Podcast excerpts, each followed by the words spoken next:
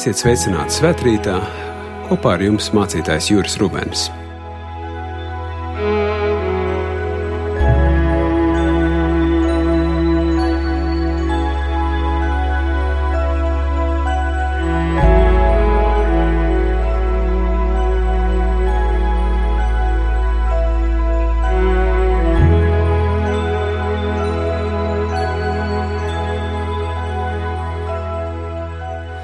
Mēs uzklausīsim svēto rakstu vārdus Lūkas evanģēlīja 11. nodaļā, ko no 5. līdz 13. pantam tā mēs lasām.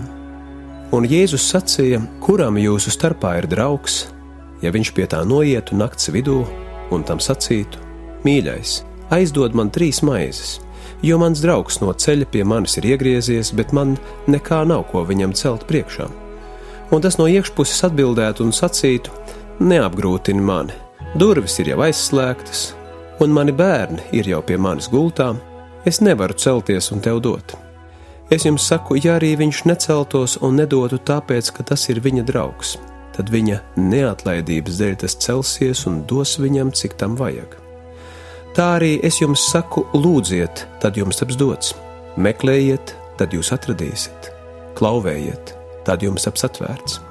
Jo ik katrs, kas lūdz dabū, kas meklē, atrod un kas klauvē, tam atvērs. Kur būtu kāds tēvs jūsu starpā, kas dotu savam dēlam čūsku, kad tas lūdz tam zivi, jeb skorpionu, kad tas lūdz olu? Ja nu jūs ļauni būdami zināt dot saviem bērniem labas dāvanas, cik daudz vairāk jūsu tēvs no debesīm dos svēto garu tiem, kas viņu lūdz. Āmen!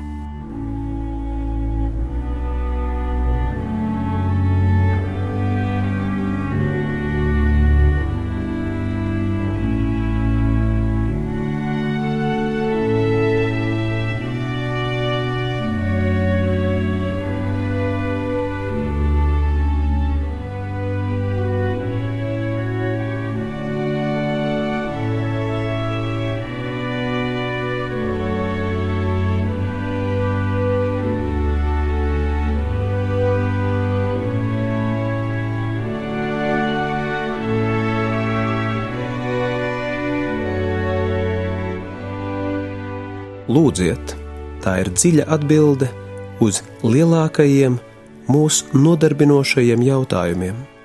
Proti, kā saprast dieva gribu, kā iegūt skaidrību par savu dzīvi, kā sasniegt dzīves piepildījumu. Ir daudz jautājumu, uz kuriem var atbildēt tikai vienā vārdā - lūdziet, runājiet par to ar Dievu. Mūsu rīcībā ir tāda iespēja runāt ne tikai ar citiem cilvēkiem, bet ar pašu Dievu. Tikai to aptverot, atklājas lūkšanas dziļākais saturs un iespējas.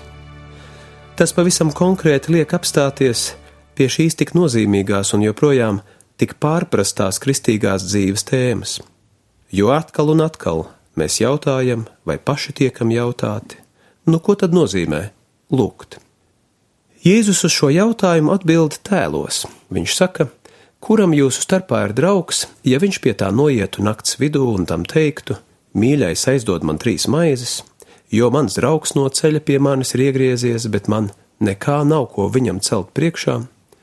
Un tas no iekšpuses atbildētu un sacītu: Neapgrūtini mani, durvis ir jau aizslēgtas, un mani bērni ir jau pie manis gultā, es nevaru celties un tev dot.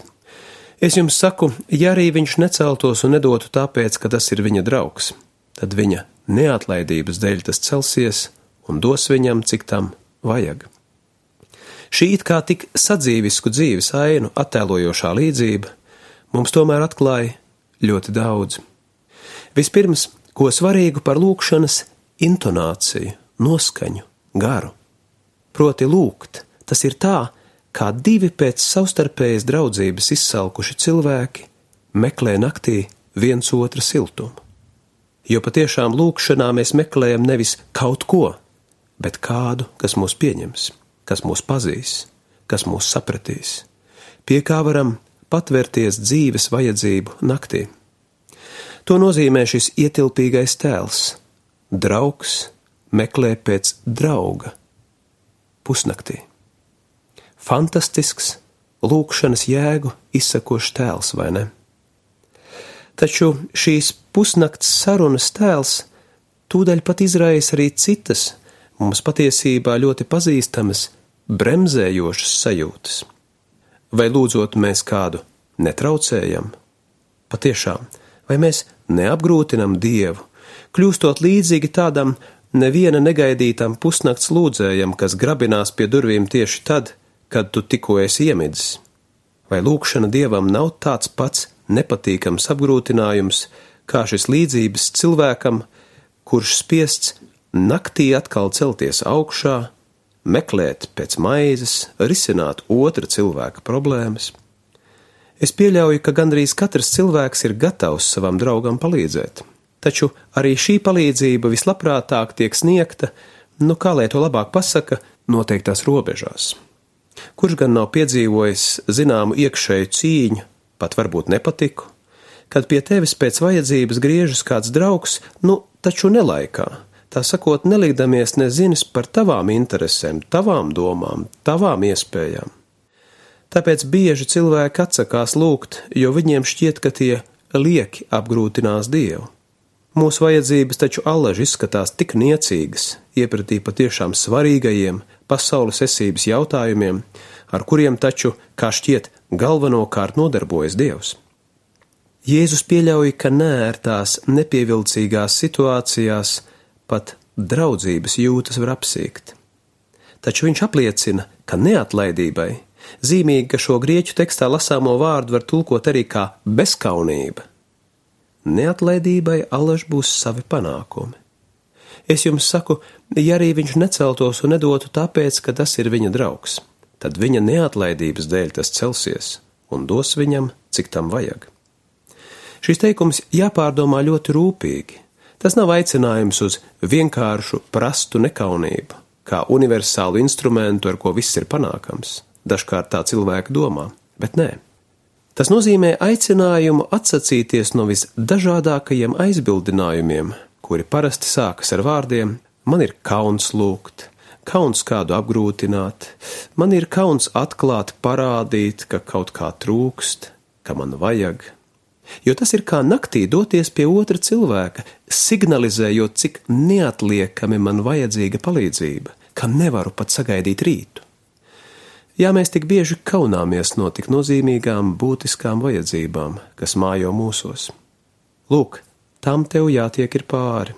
Tu drīksti redzēt tajā, ko tu lūkšanā uzrunā, jā, ko tu lūdz, savu draugu, kurš bez vārda runas gatavs celties un palīdzēt tev visnepiemērotākajās situācijās, jebkurā laikā, jebkurā vietā, jo arī tevī viņš redz savu draugu. No šī piemēra izriet mudinājums esiet neatlaidīgi savā lūkšanu ceļā, esiet gatavi pārvarēt visus sevī sastopamos šķēršļus, jo Lūdziet, tad jums taps dots, meklējiet, tad jūs atradīsiet, klauvējiet, tad jums taps atvērts. Tam biedra apsolījums, jo ik katrs, kas lūdz dabū, kas meklē atrod, un kas klauvē, tam atvērs. Patiešām mūsu dzīve maina nevis saruna par Dievu, bet saruna ar Dievu. Tāpēc katrai sarunai par Dievu būtu jāaizved līdz sarunai ar Dievu. Tāds ir arī Dievkalpojuma mērķis to iemācīt katram. Sevišķi, ja cilvēkam nav nekāda lielā ticības dzīves pieredze, nekāda dieva žēlastības piedzīvojuma, tad pats sākums Jēzus saka, nevar būt teorētiski pārspriedumi, tai jābūt praktiskai aktivitātei, tāpēc lūdziet. Bet ko tad lūgt? No to, ko nezinātājs un iesācējs sākumā var. Vispirms droši vien Es nezinu, neprotu, bet tu esi, un es gribu tevi piedzīvot, sastapt, iepazīt, gribu būt ar tevi, tavu padomu gaismā. Māci man manus pirmos soļus pie tevis un ar tevi. Patiešām tas, kam nekā nav, un tādi mēs visi esam, sākotnēji var tikai lūgt. Taču, kad jau ir kaut kas saņemts, ja ir kāds materiāls, kāda pieredze, kādas atziņas, tad jāsāk arī pašam rīkoties. Tad seko uzaicinājums: meklējiet. jāveidojas dievišķās un cilvēciskās aktivitātes kopdarbībai. Tā ved aizvien jaunās pieredzējumu un piedzīvojumu robežās, un šajā ceļā mēs allaž kādā brīdī nonākam pie nezināmā, pie durvīm, aiz kurām sākas pilnīgi sveša līdz šim neiepazīta pasaule. Un te nu ir vajadzīga ieskatīšanās drosme, tāpēc klaudziniet! Šī ceļā ir ļoti nepieciešama cerība un paļāvība, ka ieguvumi būs labi un vērtīgi, nekad ļauni. Un tāpēc Jēzus stāsta otru piemēru. Viņš saka, kur būtu kāds tēvs jūsu vidū, kas dotu savam dēlam čūsku, kad tas lūdz tam zivi, jeb skorpionu, kad tas lūdz olu. Tēvs savam bērnam vienmēr dos labo. Kaut arī cilvēks būtu ļauns paradoxālā veidā kā tēvs, viņš var būt ļoti labs. Lai arī bērnam iepriekš nav nekādu garantiju, viņš saviem vecākiem tikai var vai nu uzticēties vai neusticēties. Līdzīgi mums lūdzot, mēs nezinām iepriekš, ko īsti Dievs dos. Tomēr starp miesīgo tēvu un debesu tēvu ir milzīga atšķirība. Ja nu jūs ļauni būdami zināt dot saviem bērniem labas dāvanas, cik daudz vairāk jūsu tēvs no debesīm dos svēto garu tiem, kas viņu lūdz. Dabiskais, miesiskais cilvēks savā cilvēciskajā raksturā ir sautīgs. Jā, tieši sakot, ļauns, bet Dievs savā būtībā vienmēr ir labs. Viņš vienīgais zina, kas mums katram atsevišķajam un visiem kopā patiešām ir vajadzīgs. Viņš vienmēr dod tieši mums vajadzīgo. Tātad droši dodies uz priekšu. Svarīgi saklausīt šos vārdus, cik daudz vairāk jūsu Tēvs no debesīm dos svēto garu tiem, kas viņu lūdz. Zīmīgi, te nav sacīts par kādu konkrētu lietu iedošanu rokā, bet par svēto garu. Uz visu, ko vien mēs lūdzam, Dievs atbild ar svēto garu. Tas ir ar padomu, spēku, mīlestību, gudrību, izturību un vēl daudz ko citu, kas mums patiešām nepieciešams, lai dzīvotu. Ja te lietots piemērs tēvs un bērns, tad tas nozīmē ko ļoti būtisku. Arī bērni mēdz taču saviem vecākiem lūgt konkrētas lietas, un bieži virspusīgi vērtēt vecāku mīlestību, kā mēs dieva mīlestību, pēc tā, vai mūsu lūgumi tiek vai netiek burtiski piepildīti. Taču tikai tad, ja bērnam uz kādu laiku jāpaliek bez mammas vai tēva, viņš piepeš pavisam dziļi atskārst, ka lielākais dārgums, kas man pieder, ir manu vecāku mīlestība, jā, viņi paši. Un tas ir pavisam nesvarīgi, vai viņi man iedos tieši tās lietas, kuras esmu vēlējies. Tāds ir lūkšanu ceļš. Tā ir milzīga iespēja, kas dota katram no mums, iespēja sarunāties ar pašu Dievu, sarunāties par visu, cik gan liels ir cilvēks, ja viņš to drīkst. Jā, lūkšana ļoti bieži nemaina ārējās pasaules notikumu gaitu, bet lūkšana maina mūs, mūsu attieksmi pret pasauli, mūsu pašus šajā pasaulē. Un tieši šeit parādās neaptveramais lūkšanas spēks. Tas atver jaunu izpratni un skaidrību, jo lielākais nāk no sarunas ar Dievu, ne jau no sarunas ar cilvēku. Jēzus vārdi mūs iedrošina, jo uzmodinātais draugs sniedz maizi nakts viesim, tie, kas lūdz dabū. Arī nepilnīgi tēvi dod labas dāvanas saviem bērniem, un tāpēc varam lūgt pavisam droši. Dievs grib pašu labāko, svēto garu, savu nemitīgo klātbūtni dot katram, kas pēc tā lūgs. Kad sakām, mēs nezinām, ko mums darīt, kā rīkoties, kādus lēmumus pieņemt, tad joprojām spēkā ir šis ieteikums - dziļš, gudrs, patiess. Lūdziet! Ja jūs neziniet, kā rīkoties, runājiet par savu dzīvi un problēmām ar Dievu. Un svarīgākais, lai tas attiektos ne jau tikai uz citiem, bet arī uz mums, proti, lūksim, vai es lūkšu. Āmen!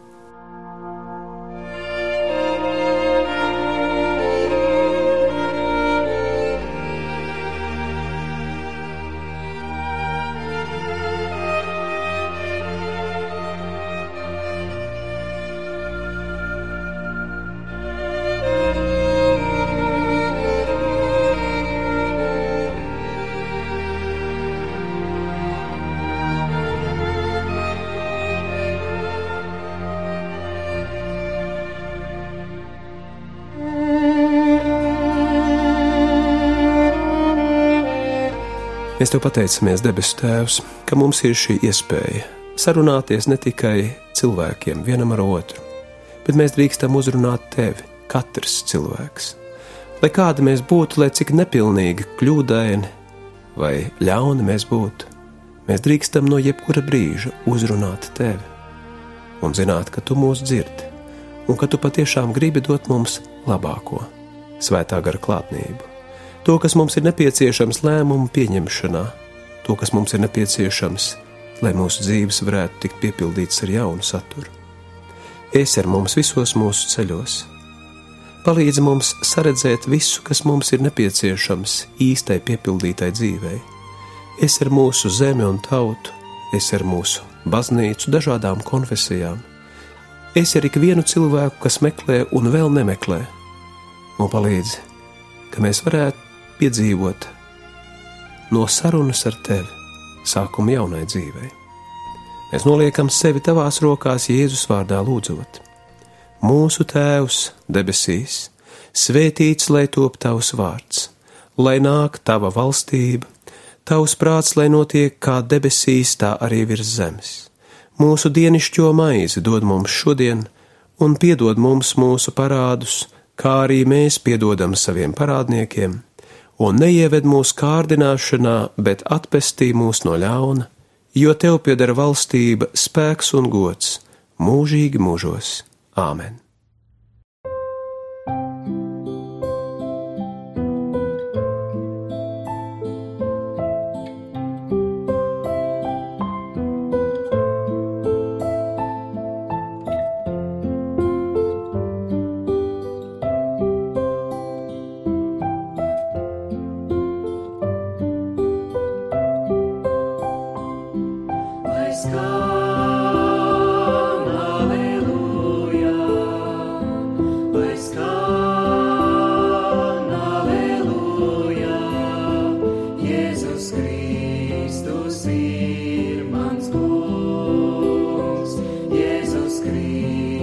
to see once more.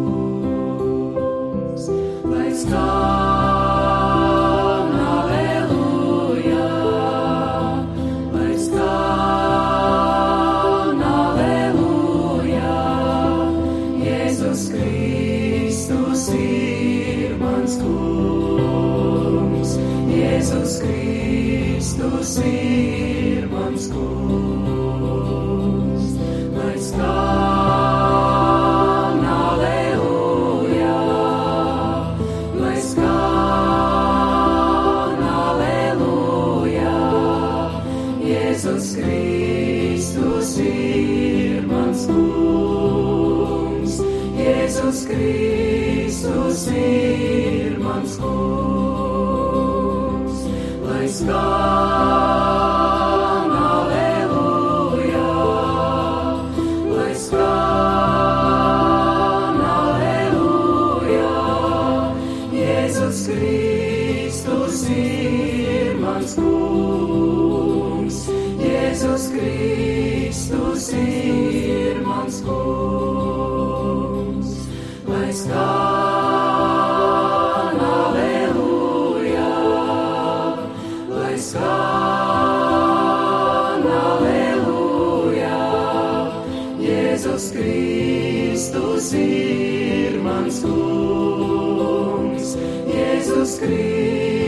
Jūs